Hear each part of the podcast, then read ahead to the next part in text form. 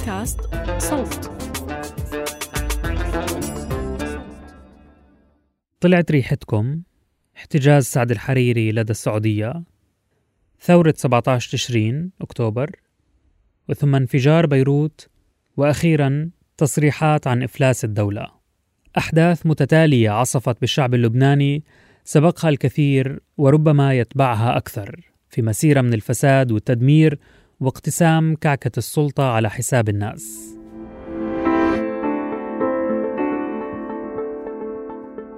هذا بودكاست المستجد وأنا محمود الخواجة. يوم 15 أيار مايو انعقدت الانتخابات البرلمانية اللبنانية على أمل يكون في تغيير وانطلاقة جديدة بعد كل هالأحداث المؤسفة. استضفنا في هاي الحلقة نزار حسن باحث اجتماعي ومنظم سياسي من لبنان ومنتج ومقدم قناة تفكيك تحاورنا معه حول نتائج الانتخابات وأمال الناس منها.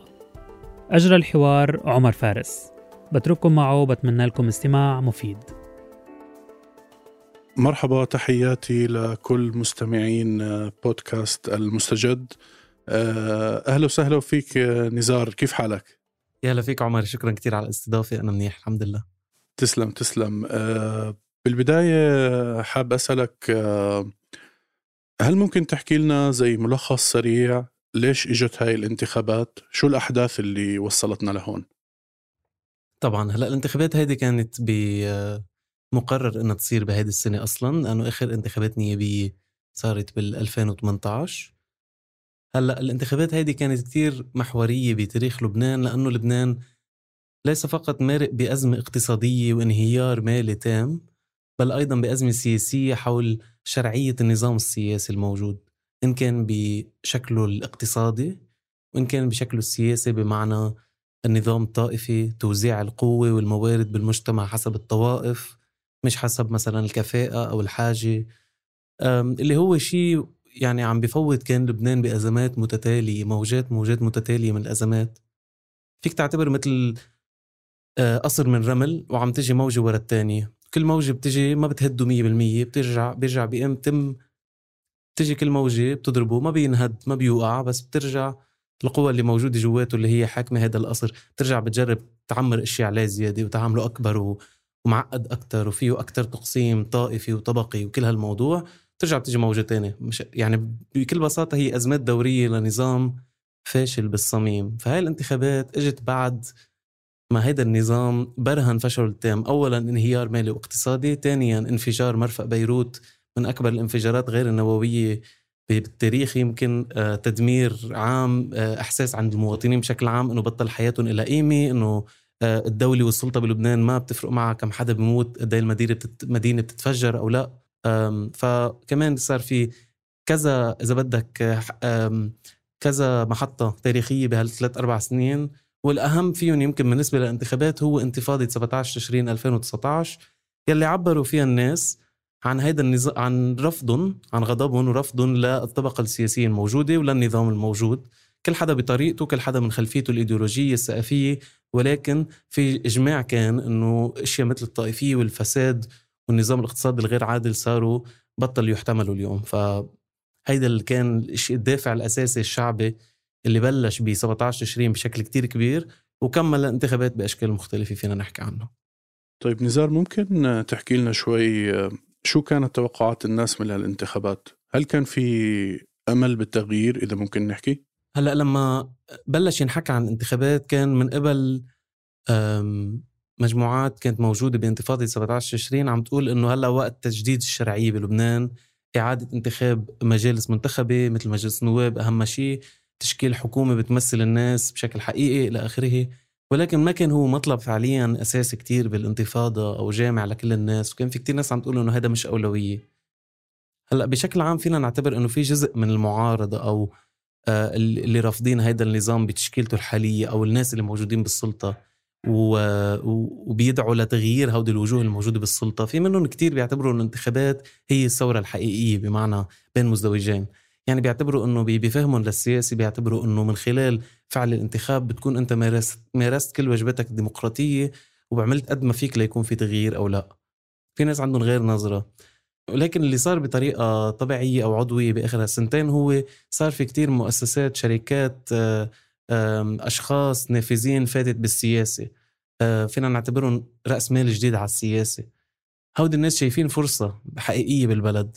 وشايفين إنه الانتخابات هي الوسيلة الأفضل لهم بالوصول للسلطة بكسر الاحتكار تبع السلطة من قبل المنظومة الاستابلشمنت الحاكم.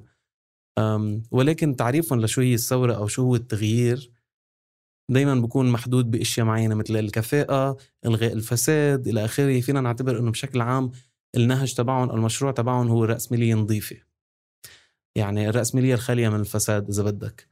في ناس تانيين عندهم وجهة أكثر جذرية بيقولوا لأ لازم نعيد النظر بكل النظام اللبناني الاقتصادي والسياسي لأنه هو مقسم المجتمع بطريقة معينة إنه مستحيل من خلال هذا النظام تقدر تعيد إنتاج آه، السياسي بشكل مختلف أو تغير الثقافه السياسية وتغير حال المجتمع. فبيدعوا لتغيير أكثر جذري بالمنطق تبع النظام بالمجتمع اللي عم نأسسه إلى آخره. هودي اثنين ما تواجهوا مزبوط بالانتخابات هودي التوجهين الأساسيين أو النهجين لأنه في نهج منهم كان كتير أقوى من الثاني مرتبط بالمرشحين مرتبط بالمشاهير اللي بدهم يفوتوا على السياسة مرتبط بالمال السياسي إلى آخره. كان عنده كتير قدر الوجود أكثر الميل الثاني اللي عم تحكي أكثر بتغيير جذري للنظام الاقتصادي والسياسي كانت يمكن أقل شوي موجودة وحاضرة ومنظمة. بس بشكل عام آه، نتائج الانتخابات فينا نحكي عنها إذا بدك هلأ نتائج الانتخابات فرجت إنه بشكل عام في صوت اعتراضي كتير كبير ممتد إذا بدك من 17 تشرين 2019 لليوم. هو الصوت الثاني الأكبر انتخابيا يعني ثاني أكبر حزب بلبنان من عدد الأصوات اليوم بعد حزب الله هو حزب التغيير إذا بدك. يعني هو آه، الناس اللي صوتت بمختلف المناطق للمجموعات والمرشحين التغييريين في تقريبا 300 ألف صوت. إحنا حنحكي بالتفصيل عن النتائج بس كنت برضه حابب أسألك بخصوص آه، هل في نوعا ما فرق بين هاي الانتخابات والانتخابات السابقة؟ يعني شو اللي بيميز انتخابات 2022 اللي بيميزها بشكل أساسي شغلتين الواقع مختلف تماما يعني 2022 مقابل 2018 عم نحكي غير لحظة تاريخية بالمطلق بعد استمرار لنفس الأزمة ولكن بعد 2018 بين بينت الأزمة بوضوح الناس ما كانوا عارفين إنه رح يوطى الدولار بهالطريقة ما كانوا عارفين إنه هالقد أساسيات الاقتصاد كلها رح تفرط قدرتهم الشرائية رح تصير ولا شيء. هيدا أول شيء وأهم شيء برأيي. انتفاضة 17 تشرين كنا عم نحكي عنها كمان كتير غيرت بموضوع أي لحظة سياسية نحن فيها. فصارت كل القوى السياسية بغض النظر إذا هي قوى نظام ولا عم تحكي عن حالها كمعارضة ولا نص معارضة نص نظام نص بالسلطة نص برا كل القوى السياسية المهيمنة بلبنان صارت مضطرة ترد تتفاعل مع الموجة الشعبية اللي عم تقول بكفي فساد بكفي نهب بكفي سرقة بدنا آه، عدالة بدنا كذا. هيدي القوى السياسية ما فيها تتغاضى نظر كليا عن الموضوع ولازم تضلها تضلها فايتة بشو ما كان النقاش أو الديالكتيك بالمجتمع بدها تكون هي جزء منه. ففاتت فيه بطرقها المختلفة ورجعت عملت شيء تاني اللي هو جربت ترجع الانقسام الشعبي اللي كان موجود قبل 2018 اللي هو مين مع حزب الله وحلفائه ومين مع الغرب والخليج. وهي بهالطريقة بنلغي كل الانقسام الطبقي الحق الواقعي الموجود بالحقيقة. من وراء الأزمة الاقتصادية وكيف كيف عم بيتم إدارتها من قبل السلطة المالية. كل هذه الفروقات الحقيقية بالمجتمع بين المصالح بيتم إلغائها عن جديد من قبل مشروع الهيمنة الطائفية والتقسيم الطبقي. فبتشوف أنت القوى السياسية عم تحكي خطاب مختلف كتير عن شو كانت عم تحكي خلال الانتفاضة. لترجع ترجع هذا الانقسام اللي بيخصم الناس حسب سلندرات طائفية. فيها فوق الغني كتير وتحت الفقير كتير وفوق الفاسد وتحت المعتر بس كلهم بنفس الطائفة في وهم معين سياسي إنه كلهم بيتشاركوا نفس المصلحة. عم يجربوا يرجعوا يعيدوا هذا الانقسام لأنه هذا الانقسام اللي فرضته اللي فرضته إذا بدك أو دمرته بشكل آه، معين ثورة 17 تشرين فعم يجربوا يرجعوا كانوا يراجعوا هذا الانقسام نجحوا لحد معين. القوات اللبنانية وحزب الله مثلا نجحوا بإعادة آه، مترسة آه، شعبهم ومناصرينهم بهذا الصراع الإقليمي الأكبر إلى آخره. آه، المجموعات المعارضة كانت بتعرف لأنه لحظة هالقد مصيرية بتاريخ لبنان بتعرف إنه ما فيها تكون عم عم تتساهل بقد حجم المعركة. بس خطابها السياسي حول شو المشكلة كيف تفهم الواقع كيف رؤيتها للأمام أو للتغيير في لبنان مختلفة بين بعضها وما كان في مشروع واحد إذا بدك جامع الناس اللي عم تطرح حالها كقوة سياسية جديدة بالبلد. فمختلفة طيب. كليا 2022 على 2018 ولكن بالنهج السياسي تبع السلطة مشابهة جدا بالنهج النهج الفساد وشراء الأصوات والزبائنية اللي اللي بتحيط بالانتخابات كمان زادت أكثر إذا بدك يمكن من 2018 ففي أشياء مختلفة على المجال السياسي مثل انسحاب قوى مثل سعد الحريري وتيار المستقبل انسحابهم من الانتخابات أو مثلا تموضعات جديدة بسيطة طفيفة بس بشكل عام مشهد سياسي تبع السلطة نفسه هو ذاته المشهد تبع القوى التغييرية جديد بشكل 90% طيب ممكن تقدم لنا زي صورة بتوضح أهم الأطراف المتنافسة كانت بالانتخابات وطبيعة خطابها؟ أنت شرحت لنا يمكن شوي عن السلطة بس ممكن تعطينا شوي عن الناس الجداد. إيش إيش كانوا عم بيحاولوا يحكوا؟ إيش كانوا عم بيحاولوا خطابهم؟ شو كان عم بيحاول يسوق؟ هلا قبل ما نوصل على المعارضة بالسلطة في عنا إذا بدك آه، ما في انقسام 100% واضح ولكن في عنا قوة بتسمي حالها اليوم قوة سيادية. هيدي القوة هي مثلا القوات اللبنانية الكتائب إلى آخره معارضات تقليدية أو آه، أحزاب طائفية تقليدية. عم تحكي بأن معارضة لحكم حزب الله وإيران وإلى آخره. هذا الخطاب الأساسي اللي كان عم يطلع. وطبعا مع أشياء مثل عداله وتوزيع للخسائر حسب كل حدا بياخذ عنوان معين وبيحطه بقلب الخطاب تبعه. مثلا حزب الكتائب ناخذ بعين الاعتبار. من احسن من حزب الكتائب من أعرق إذا بدك الأحزاب بلبنان حزب يميني تاريخه مستوحى من الفاشية. آه، ضله موجود بلبنان. اليوم أعاد عمل ريبراندنج لنفسه عامل إعادة إنتاج لصورته كلها سوا. على أساس انه هو حزب modern و social democrat يعني ديمقراطي اجتماعي ميل لليسار إلى آخره. بس بالواقع وبالخطاب نفس الخطاب تقريبا مثل حزب القوات اللبنانية اللي هي جاي بأساسه من خطاب مخاطب بشكل أساسي للمسيحيين. فإذا بتشوف قوى السلطة بشكل عام بعده وليد جنبلاط بيحكوا مع دروز آه، سمير جعجع بيحكي مع المسيحيين جبران باسيل مع المسيحيين نصر الله مع الشيعة إلى آخره. بتشوف عندك مشهد كل حدا عم يحكي مع قبيلته المزعومة وعم بيقول لهم كيف مصلحتنا غير مصلحة هوليك ومع مين لازم نتحالف وإلى آخره. ضلوا هذا النهج هو ذاته ماشي. ما في شيء بوضح 100% شو على شو من من اسمين غير على غير على الولاء الخارجي. يعني غير إنه القوات أقرب للسعوديه وأمريكا وحزب الله أقرب لإيران والنظام السوري. ما في شيء فعليا بالسياسات الاقتصادية المالية الاجتماعية بوضح لك بوضوح شو الفرق بين بين حزب الله والقوات اللبنانية اللي هن طرفي النزاع الأشد خصومة اليوم. ففي شيء متقدم جدا وعظيم قدم يعني في شيء متقدم جدا وشوي سوريالي بقديه السياسي بلبنان. إلى معنى هيك مسرحي. يعني م. السياسة هي مسرحية وليست خوض معركة حول السياسات حول شو القرارات اللي بناخدها. آه القرارات اللي بكون عليها معركة بتكون قرارات لها أبعاد سياسية واضحة كتير. سيمبوليك مثلا أكثر من هي الأشياء اللي بتكون فعليا ب بصلب مصالح الناس والاخت... يعني بصلب النقاشات اللي خاصة بمصلحة المجتمع وأي فئة وشو بنعمل هلأ شو بنعمل بعدين لندير الأزمة كيف بنخطط لقدام؟ ما في تخطيط أبدا ما في آه تج... ما في يعني لما يجتمعوا الناس الموجودين بالسلطة بيكون على اتفاق لتقسيم الحصص. لما يختلفوا بيكون على اتفاق لتقسيم الحصص. دايما نفس الموضوع هو اللي بيجمع وبيمشي الحكومة بلبنان أو السلطة واللي بيفرطها أو بيخليها معطلة. آه، بالمقابل الناس اللي عم تجي فردة ردة فعل المعارضة أو الناس على هذا الموضوع هو إنه بدنا ناس كفؤين بدنا ناس مش فاسدين بدنا نواب مثلنا مثلهم بيشبهونا مش مش قاعدين بصور العاج وكذا. بدنا يعني بشكل عام بدنا ناس أكثر آه، أنظف في السلطة. اللي هو الخطاب الأس... إذا بدك. أكثر خطاب مسطح وبسيط انطلقت منه آه، بشكل كتير كبير آه، ترشيحات ومجموعات بكل أنحاء لبنان عم تحكي عن التغيير وإلى آخره.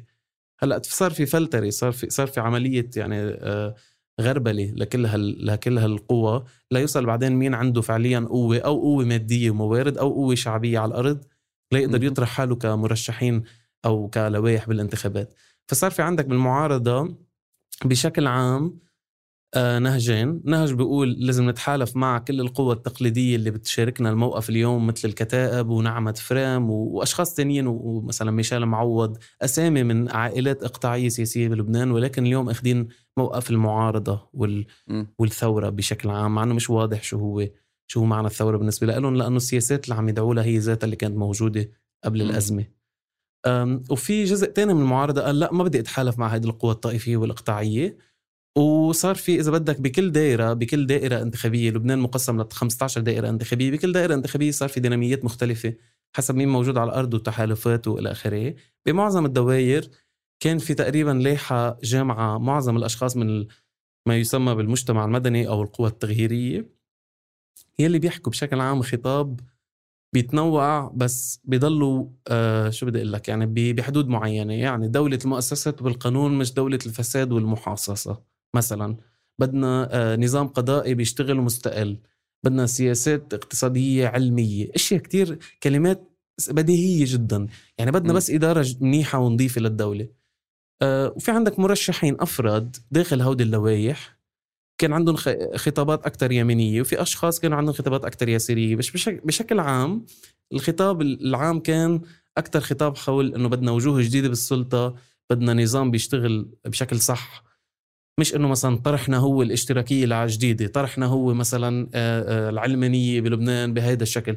ما كان في هالقد طروحات كتير متقدمة. في حزب واحد عمل طرح أو ركز على المشروع بشكل أساسي هو حزب اسمه مواطنون مواطنات في دولة بعده حزب جديد عم ينشأ. بس طرح لوائح في معظم المناطق اللبنانية وقال إنه نحن عم نمثل مش بس معارضة للسلطة عم نمثل مشروع جديد لإعادة النهوض بلبنان وباقتصاده ولتوزيع الخسائر الأزمة الحالية والإنهيار المالي بطريقة عادلة ما ما بتدمر وبتفك الاقتصاد على المستوى البعيد هلا هذا الحزب خطابه وبرنامجه كانوا مقنعين لكتير ناس بس على الأرض وبناحية الأصوات الناس رجعت صوتت للوائح م. الأقوى اللي عندها حظوظ انتخابية فعلا. طيب هذا نزار بقودني للسؤال التالي. آه يعني إحنا ممكن نحكي إنه إحنا متفقين إنه الخطاب السياسي والظرف السياسي كثير مختلف فهذا أدى لانتخابات جديدة أو مختلفة. لكن هل النتائج كانت برضو مختلفة؟ يعني هل القوى المسيطرة في السابق شهدت تراجع على سبيل المثال؟ ممكن توضح لنا بشكل عام إيه؟ كيف كان شكل النتائج؟ معظم التغطية الإعلامية للانتخابات نتائجها انطلقت من مسألة إنه مين عنده الأكترية حلفاء حزب الله ولا حلفاء السياديين؟ السياديين يعني مثل ما قلنا الناس اللي هن مخ... عندهم موقف بوجه حزب الله واخدين أقرب للمحور الثاني اللي هو محور السعودية أمريكا الخليج إلى آخره.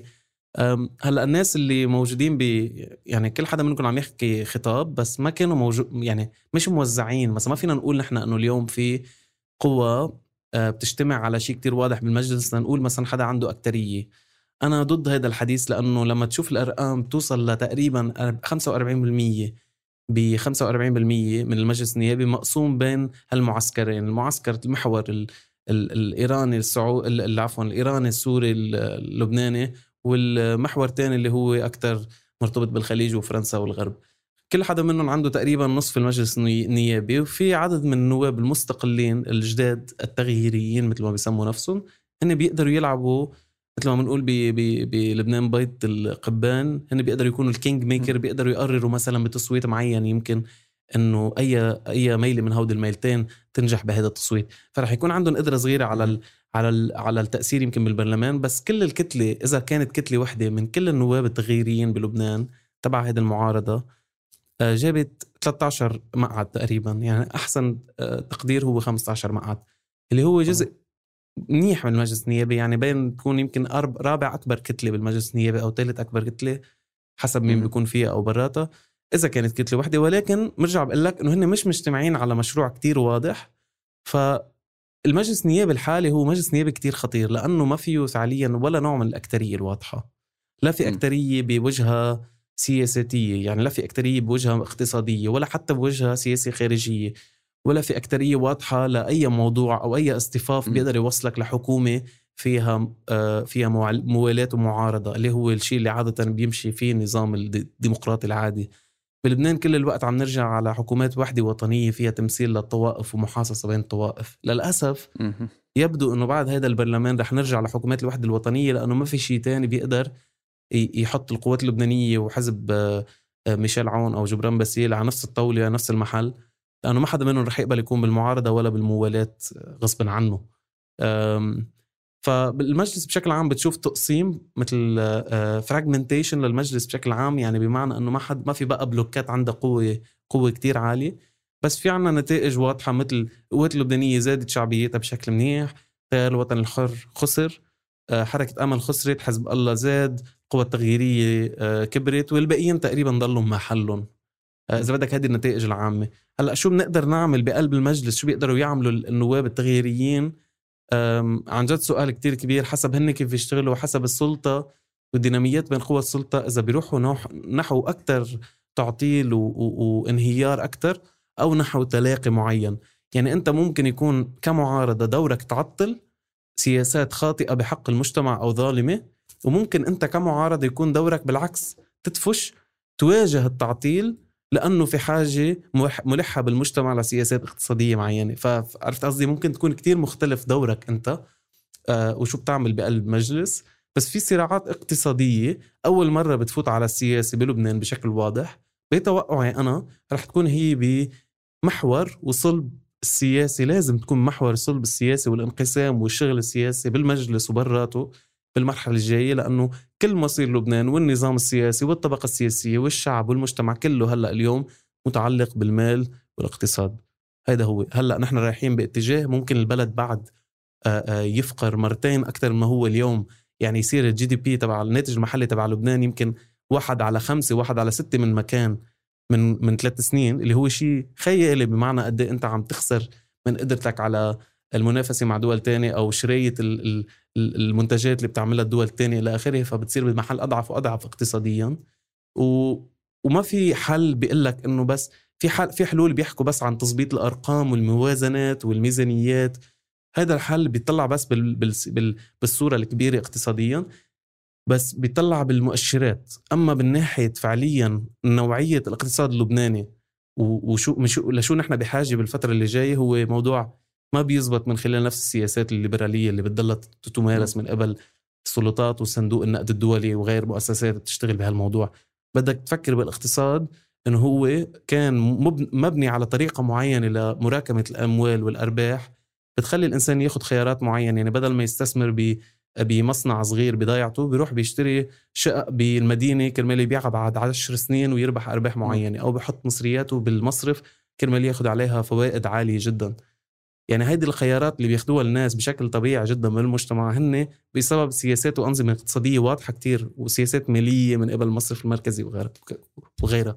فكتير كتير مهم إنه واحد يقدر يحكي بوضوح عن تغيير النهج الاقتصادي من أساسه للاستثمار بالأشياء الأساسية اللي اللي بتخلي المجتمع يهدي خلال هذه الأزمة مثل الطبابة العامة والصحة العامة والنقل العام إلى آخره. لأنه وإلا المجتمع رايح على أكثر وأكثر تدمر آه، تبدد تقسيم إلى آخره.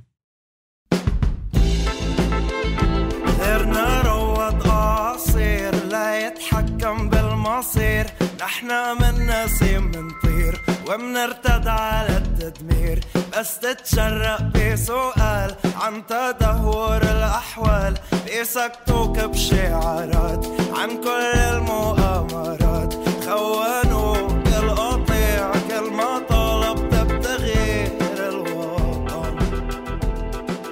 طيب نزار حكيت عن احتمالية إنه شكل البرلمان الحالي رح ينتج حكومة اتفاق وطني واللي هو اللي إشي اللي عم تمشي عليه لبنان منذ الأزل ممكن نحكي.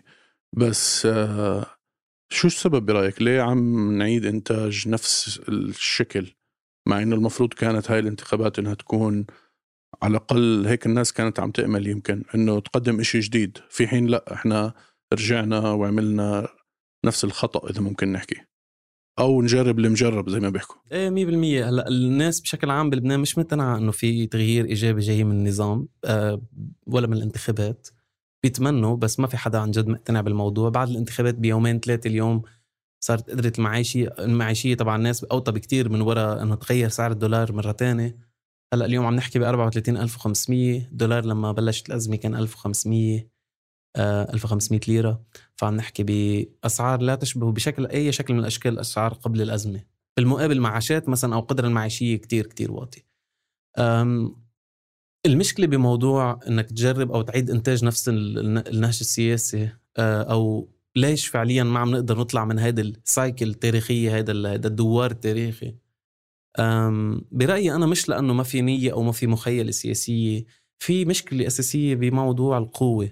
يعني نحن عم نحكي عن نظام مهيمن عليه شبكات قوة ممتدة من القطاع الخاص للقطاع العام بكل القطاعات بالمجتمع. في عندك شبكات مرتبطة بمؤسسات طائفية أو مؤسسات دينية أو أو سياسية إلى آخره مرتبطة بالتعليم بالصحة بالنقل بكل أنواع الخدمات بالمجتمع كل أنواع الحقوق اللي أصبحت امتيازات إلى آخره. هالشبكات المادية القوية ووجود آه، إذا بدك آه، قيادات على مستوى الطائفة الزعامات الوطنية هود الاثنين لما ينجمعوا مع بعض بيكونوا هن recipe for disaster لأنه بيصير الإنسان باللحظة المعينة لما يجي اللحظه بده ياخذ فيها خيار سياسي.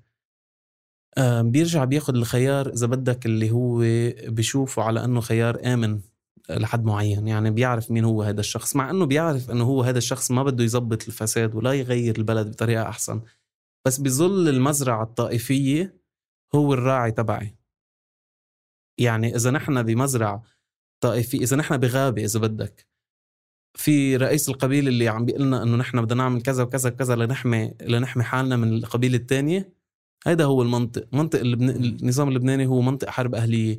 كل بتتقوقع كل حدا بمجموعة طائفية وبتضلكم عم تتوازنوا بين بعض. مين بياخذ امتيازات أكثر مين بيسحب من غيره؟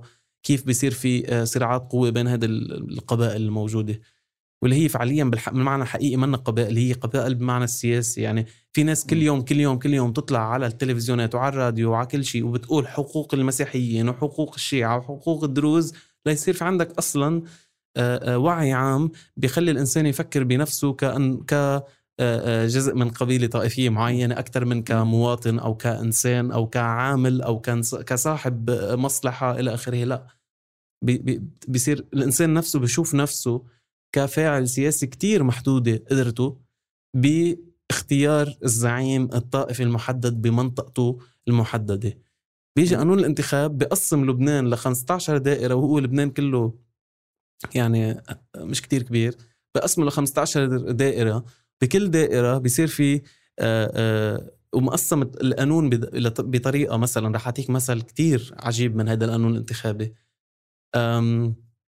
فيك تربح ب 500 صوت بمحل معين أو ب 70 صوت بمحل معين وتاخذ 10000 صوت بمحل تاني وما تربح كمرشح.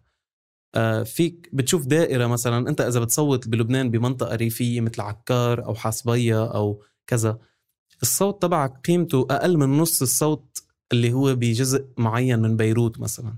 ببيروت الأولى اللي هي بيروت المسيحية لأسباب طائفية عملوا نظام مثلا قسموا بيروت مسيحية وإسلام وخلوا الصوت المسيحي يكون عنده وزن أكثر كرمال يقدر آه، يقدروا يعني يعملوا توازن ليضلوا المسيحيين بلبنان لأنه عددهم أقل من 50% ليضلوا عندهم تمثيل 50% بس هذا الشيء بالواقع شو بيأدي؟ بيأدي إنه ناس ما عندها أي تمثيل شعبي تربح بمحل معين وناس تجمع آلاف وعشرات الآلاف الأشخاص ما تقدر تربح بمحل تاني. هيدا واحدة من المشاكل الأساسية اللي بتفرجيك. مثلا كيف يعني إنه آه، الموجة التغييرية بلبنان بتاخذ مثلا 250 ألف صوت وبتاخذ 13 مقعد أو حزب الله بياخذ 330 ألف صوت وبياخذ 13 مقعد بينما القوات اللبنانية بتاخذ 170 180 ألف صوت وبتاخذ 19 مقعد. ليش؟ لنفس الأسباب.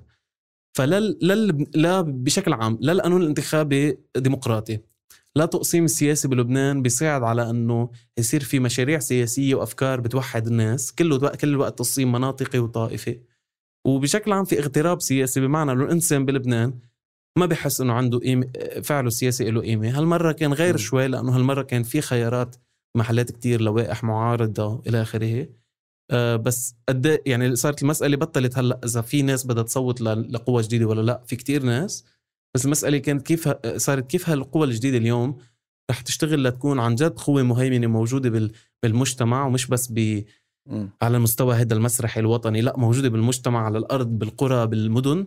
لتواجه هذه القوى الطائفية بالنسيج الاجتماعي. إذا بتقدر تعمل هذا الشيء هون بصير نحكي بتغيرات أكثر جذرية بالمجتمع على المدى البعيد. أما اليوم في احتمال عدم تشكيل حكومة عدم تشكيل عدم انتخاب رئيس آه، جمهورية لأنه عدم اتفاق على رئيس جمهورية وهذا الشيء بيعني أنه شلل تام بالمؤسسات آه، مؤسسات السلطة. معناتها القوانين الاقتصادية الطارئة ما رح يتم إقرارها أو بيتم إقرارها بطريقة عكس ما لازم يتم إقرارها بسرعة بعجلة.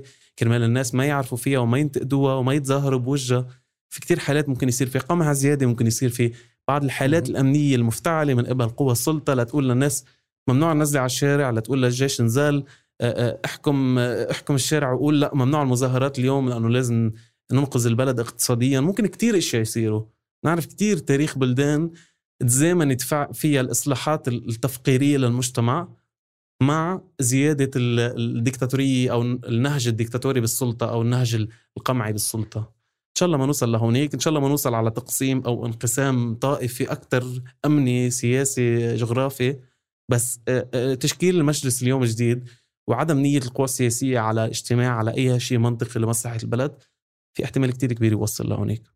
طيب نزار يمكن من الطبيعي أو العادي إنه إحنا نتوقع من القوى الجديدة اللي طلعت على الساحة في الانتخابات الأخيرة من الطبيعي إنه الناس تتوقع منها تغيير أو آه، تكون زي قوة عكسية ل لل... لل... لل...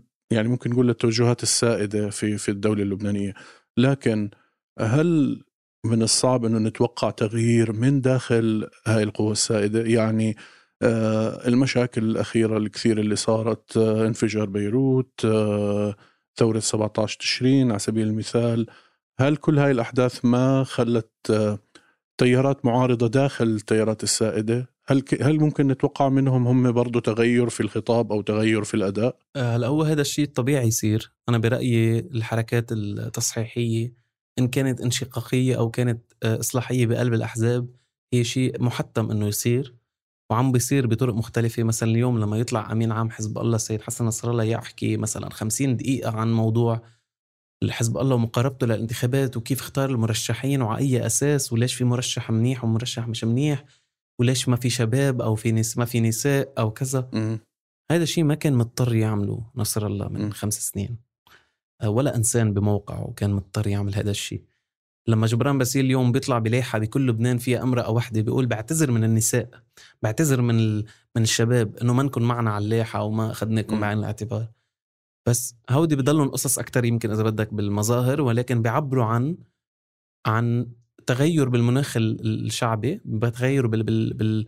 يعني بشو الناس عم بيفكروا شو الصح والغلط بالنسبة للناس بقواعد جمهور الأحزاب. هلا بالنسبة لي أصلا ردا مباشرة على سؤالك بالنسبة لإلي بالسياق اللبناني اللي فيه هيدي الانقسامات الطائفية أو التنافس بين المجموعات الطائفية وزعمائهم كيف بدك تخرق هذا الشيء؟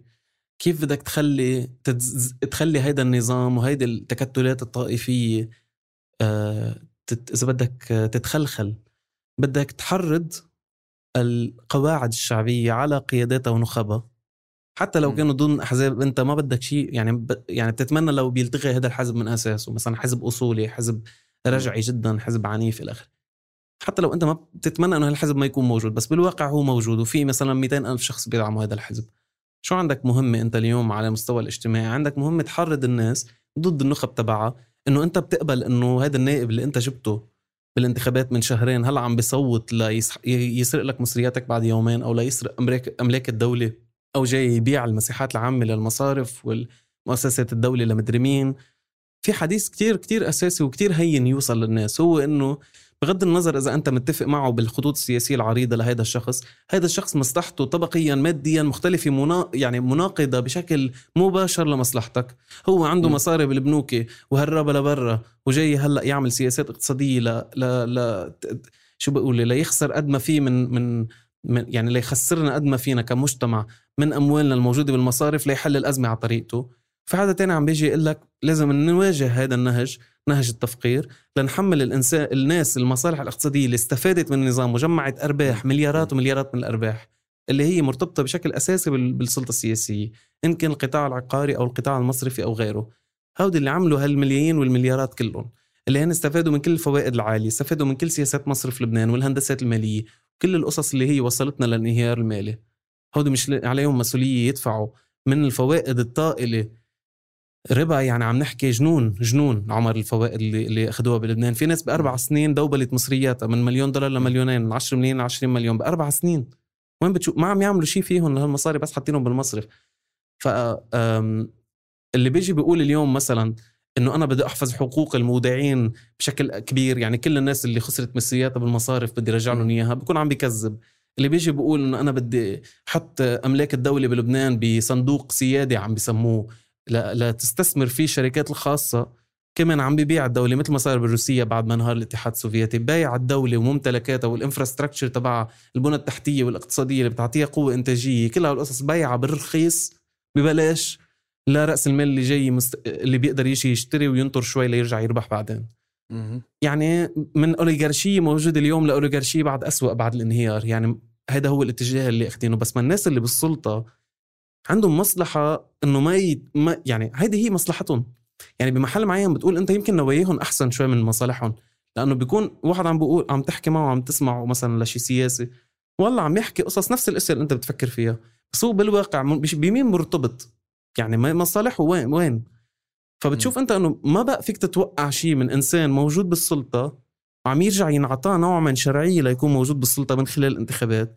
ترجع تتوقع أنت إنه هذا الإنسان نفسه بده ياخذ أي خطوة اقتصادية مناهضة أو مناقضة لمصالحه له ومصلحة آه، آه، أقربائه وحلفائه وشركائه الماليين. مستحيل مستحيل. مشان هيك المسألة الاقتصادية والمسألة السياسية بلبنان وبأي بلد بالعالم لما يكون في انهيار وأزمة آه، وجودية من هذا النوع هي مسألة وحدة الاقتصاد والسياسة هو شيء واحد. يا بتعمل نهج جديد بالدولة أو شو هو العقد الاجتماعي أو شو ما بدك تسميه دستور جديد تفكير جديد بشكل هذا المجتمع وكيف عم نقسمه وشو عم نعمل بموارد. وإلا كثير كثير صعب إنك توصل لحلول تقنية لها معنى ولها مفعول بظل نظام توزيع للموارد بهذه الطريقة. بعطيك ألف مثل من أي سياسة اقتصادية بتشوف إنه هيدي السياسة نفسها ممكن تكون منيحة وممكن تكون كارثية حسب النظام السياسي والمؤسسات اللي رح تنفذها ورح تستفيد منها وتوزع الموارد فيها. فأنت بتصير كتير بوضوح فيك تفرجي الفرق بين إنك تكون بتمثل الناس وبين تكون بتمثل الأوليغارشية والأغنياء فقط بلبنان. بيوضح هذا الشيء بس بدك تختار إنك تفوت بهيدا التجاذب. بدك تختار إنه إيه أنا بقبل قصي من المجتمع ولكن على طريقة أفضل. مش نضلنا بأوهام تبع إنه لا المجتمع لازم يكون واحد وعم نطلع بالأرزة ونلولح العالم وناكل تبولة وننزل على البحر وماشي الحال. لا. مش كلنا بنحب بعض وعنا نفس التفكير لا. أنا وصاحب المصرف اليوم ما بدي أنا أقعد معه وحسه إنسان ويحسني إنسان. ما هو سرق لها مصريتها لأمي اللي مش قادرة بقى تعيش. فأنا عندي مشكلة وجودية هو عدوي مثل ما إسرائيل عدوة ما صاحب المصرف عدوي فهمت علي؟ يعني بالنسبة لنا هذا الشيء هو الشيء اللي البوست السياسية تبعنا اليوم. إذا قدرنا إن شاء الله نقدر ننتظم. هلأ أنا مهمتي شخصية اليوم إنه نرجع ننتظم كناس تقدميين ويساريين بلبنان بحزب كبير وحقيقي واذا بدك ناضج وجدي إذا قدرنا نعمل هذا الشيء ممكن نشكل هذا القطب أو على القليل نوع من تحالف أو جبهة كبيرة تحمي مصالح الناس والطبقة العاملة بلبنان.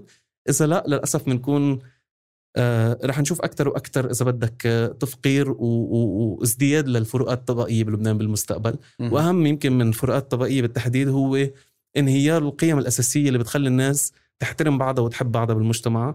فبيصير إشياء مثل العنف والتقسيم وارد كتير أكثر التسلح وارد كتير أكثر الجرائم من الصغيرة للكبيره وارد كتير أكثر وبلشنا نشوف هذا الشيء شوي شوي آه، بالشارع حوالينا. آه، أنا صرت بطلت أمشي عشية ما في كهرباء بالليل ما في كهرباء بالطرقات لأنه الدولة ما عندها محروقات. نمشي بالطريق نحن اليوم ما في أي نوع من حماية للإنسان ببيروت أو وين ما كان. أنت وعم تسوق السياره بيكون مطفي كل الأوتوستراد بتعمل حادث. يعني في عرفت تفتت. لكل شيء اسمه آه، ببساطة هيك النظم الأساسية ليعيش مجتمع حضاري مع بعضه. طيب آه، نزار سؤالي الأخير برأيك هذا البرلمان بوضعه الحالي إيش ممكن نتوقع منه؟ شو أفضل سيناريو آه لحتى نتجه باتجاه إنقاذ الوضع الحالي بلبنان؟ أفضل سيناريو واقعي هو مش منيح ما بعرف. كتير صعب سؤالك عمر لأنه ما بعرف شو هو السيناريو الأفضل حاليا. يعني مثلا أفضل إنه يجي صندوق النقد ويدين لبنان شوية مصاري والبرلمان يتجتمع مع بعضه بخطة بتلاقي طلبات صندوق النقد ويصير في خطة لإعادة للإصلاح المالي ويمشوا مع بعضهم بس ب سياسي بنعرف ما نحن مثل ما كل الدول اللي سبقتنا التجارب المشابهة بنعرف إنه بعد عشر سنين رح يكون المجتمع أفقر وأقل قدرة على الاستمرار مش أكثر لا يعني هذا مش هدي السيناريو هذا يمكن فعليا هذا أفضل سيناريو ممكن بالمجلس الموجود. يعني للأسف آه، الواقع اليوم هو يدعو للتشاؤم مش للتفاؤل أبدا. أفضل سيناريو بالنسبة لإلي حسب بمين عم تطلع. بالسلطة ما في شيء سيناريو كتير منيح لأنه بنعرف إنه مصالحها مرتبطة بأي مصالح. بس فينا نقول إنه في سيناريو أحسن من سيناريو تاني. يعني سيناريو آه، بيع آه، كل أصول وممتلكات الدولة للمصارف أسوأ بكتير من إنه ما يصير هذا الشيء ويضلوا على القليل. في عندك هذه القيمة اللي هي عشرات المليارات دولارات آه، مش أهم من عشرات المليارات دولارات هي القيمة الحقيقية اللي جامع يعني اللي بيملكوها الشعب اللبناني بشكل عام. سو في في إذا بدك بين طرحين بيجوا اثنيناتهم يمكن من قوة بالسلطة ممكن تلاقي طرح أحسن من الثاني. فأنت كنائب كنائب عندك قيم مقبولة أو منيحة بتروح بتصوت للأفضل. بس برات هودي الخيارات المحصورة كتير. آه، ممكن كتير يكون دورك أكثر هو آه، تعطي ليه لأنه كل شيء بيتفقوا عليه الناس اللي بالسلطة هو ضد مصلحة المجتمع. ممكن ساعتها يكون أفضل إنك تعطل من إنك تخلي الأمور تمشي. أنا ما بتوقع كتير من البرلمان الحالي. اللي بتوقعه فعليا يصير هو بعض الإصلاحات القانونية بمواضيع مختلفة. مثل مثلا المواضيع اللي بيركزوا عليها قوى النواب التغييريين وما بيمانعوها بشكل كتير كبير نواب السلطة. أمور مثل الزواج المدني وغيرها اللي عليها حساسيات أو مش حساسيات عليها في تحريض ضدها من قبل المؤسسات الطائفية بلبنان. يمكن ما تكون بالمنال هالمرة آه، بالمستقبل أبعد شوي. بتوقع بعض الإصلاحات لأنه مضطرين يعملوا هاي الاصلاحات ليجيبوا أموال من برا خصوصا مشان صندوق النقد الدولي وحلفاء آه، وحلفائه أو الناس التانيين ممكن يدينونا بنك الدولي آه، فرنسا إلى آخره.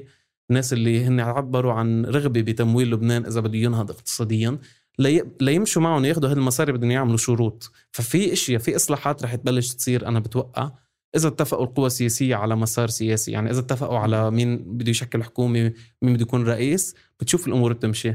إذا لا في عنا على القليلة سنة من عدم ال... يعني ما في شيء يكون بيسكلي آه، عم يمشي أو عم يتحرك بالسلطة. عن جد كتير صعب الواحد يتوقع ومش لازم يجرب يعمل هلأ بريدكشنز أو توقعات. آه، بس فينا نقول إنه بهذا الوضع هذا السيناريو فينا نروح على كذا اتجاه مختلفين. منهم نقدر نشتغل عليهم ونصححهم بالمستقبل إذا ما كانوا كارثيين على الآخر. ومنهم إشياء بتروح على التفقير التام للمجتمع والتقسيم والعنف والاحتراب والى آخره اللي هو الشيء اللي أقل شيء إن شاء الله يصير بس أكثر شيء خايفين منه بشكل عام الناس إنه هو المجهول إذا بدك. الفوضى الفوضى بالمعنى السلبي جدا يعني الحكم القوي حكم ينو طيب شكرا كثير نزار على وقتك وأنا كثير تشرفت باستضافتك معنا ببودكاست المستجد. شكرا كثير شكرا كثير لك عمر شكرا على الاستضافة وانبسطت بالحديث معك. كنت معكم محمود الخواجة ومن الإعداد والحوار عمر فارس. اشتركوا بقناة المستجد وين ما كنتوا عم تسمعوا هاي الحلقة لتوصلكم تنبيهات بالحلقات الجديدة وكمان تنبيهات بحلقات فقرتنا المصغرة الأسبوعية المستجد جدا. بودكاست المستجد من إنتاج صوت.